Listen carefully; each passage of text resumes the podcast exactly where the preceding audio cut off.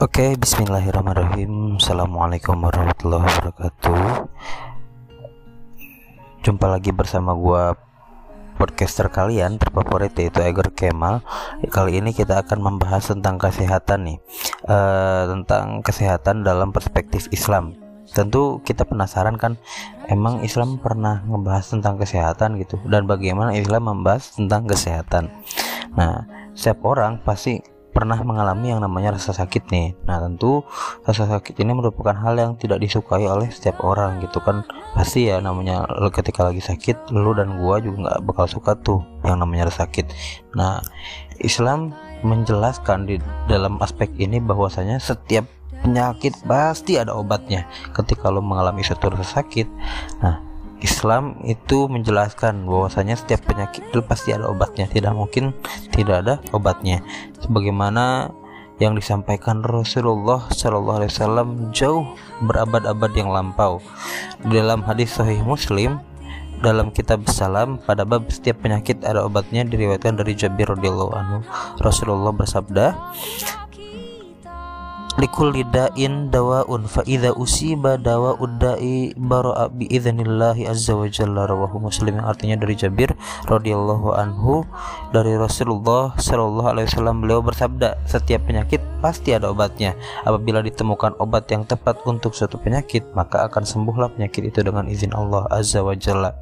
Nah berdasarkan hadis ini tentu menjawab rasa pertanyaan kita kan maksudnya emang eh, emang setiap penyakit ada obatnya kan gitu. Nah pasti juga kita nanya kayak gitu kan. Nah nah Islam menjawab bahwasanya setiap penyakit tentu ada obatnya.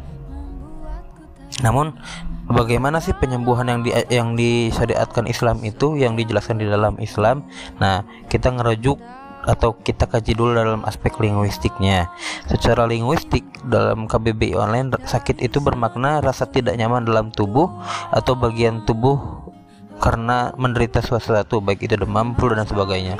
Nah, sementara dalam kitab Al-Minhaj Syarah Sahih Muslim Nah, ini kita kaji linguistiknya juga ya gitu kan dalam makna adawa ini atau kata adawa itu terdapat ragam penyebutannya. Nah, kalau ulama jumhur ulama yang salaf ulama terdahulu maupun ulama khalaf yang kontemporer e, menyebutkan dengan kata adawau yaitu obat ya. Sementara ada kata penyebutan yang menyimpang atau syadz ya jadi, jadi menyimpang di sini tuh katanya tuh asing. Maksudnya nggak orang-orang tuh nggak banyak yang nyebut gitu ya. Itu adiwa itu adiwa cuman pendapat yang rojih atau pendapat yang kuat adalah adawa nah lalu bagaimana sih itu syarahnya itu dijelaskan bahwasanya uh, fahadza fihi bayanun wadihun. Ini tuh penjelasan yang jelas gitu bahwasanya ada ada para atibau ataupun dokter-dokter itu berkata atau berpendapat orang yang sakit itu adalah orang yang kondisi fisiknya keluar dari tabiat yang seharusnya berjalan. Nah, maksudnya itu bagaimana? Kan yang namanya uh, tabiat orang yang sehat, tabiat orang yang apa? Tabiat orang yang sehat itu ketika fisiknya dalam kondisi yang baik. Nah, ketika orang sakit maka fisiknya itu keluar dari tabiat yang seharusnya.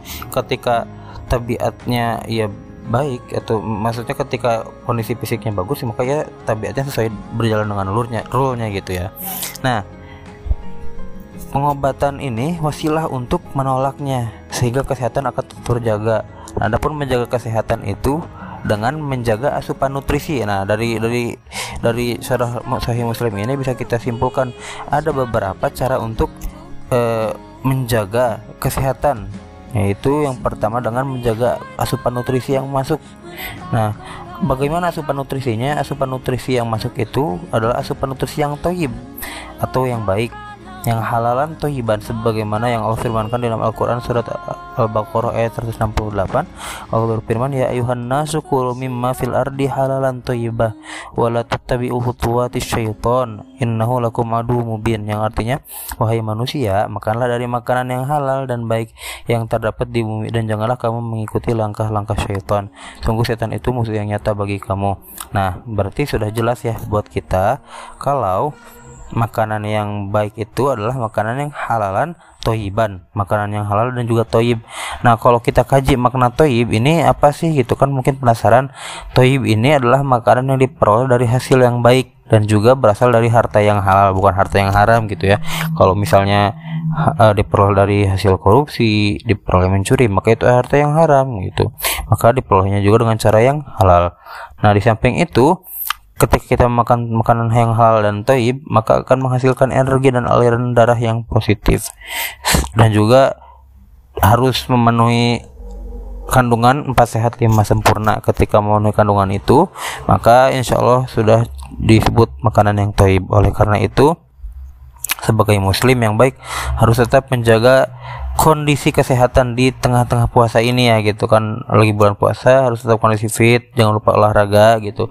Karena dengan menjaga kesehatan kita akan sesuai gitu. Maksudnya kondisi fisiknya itu akan sesuai dengan tabiat kita gitu. Yang ya sesuai dengan ini ya gitu. Sesuai dengan rule-nya gitu.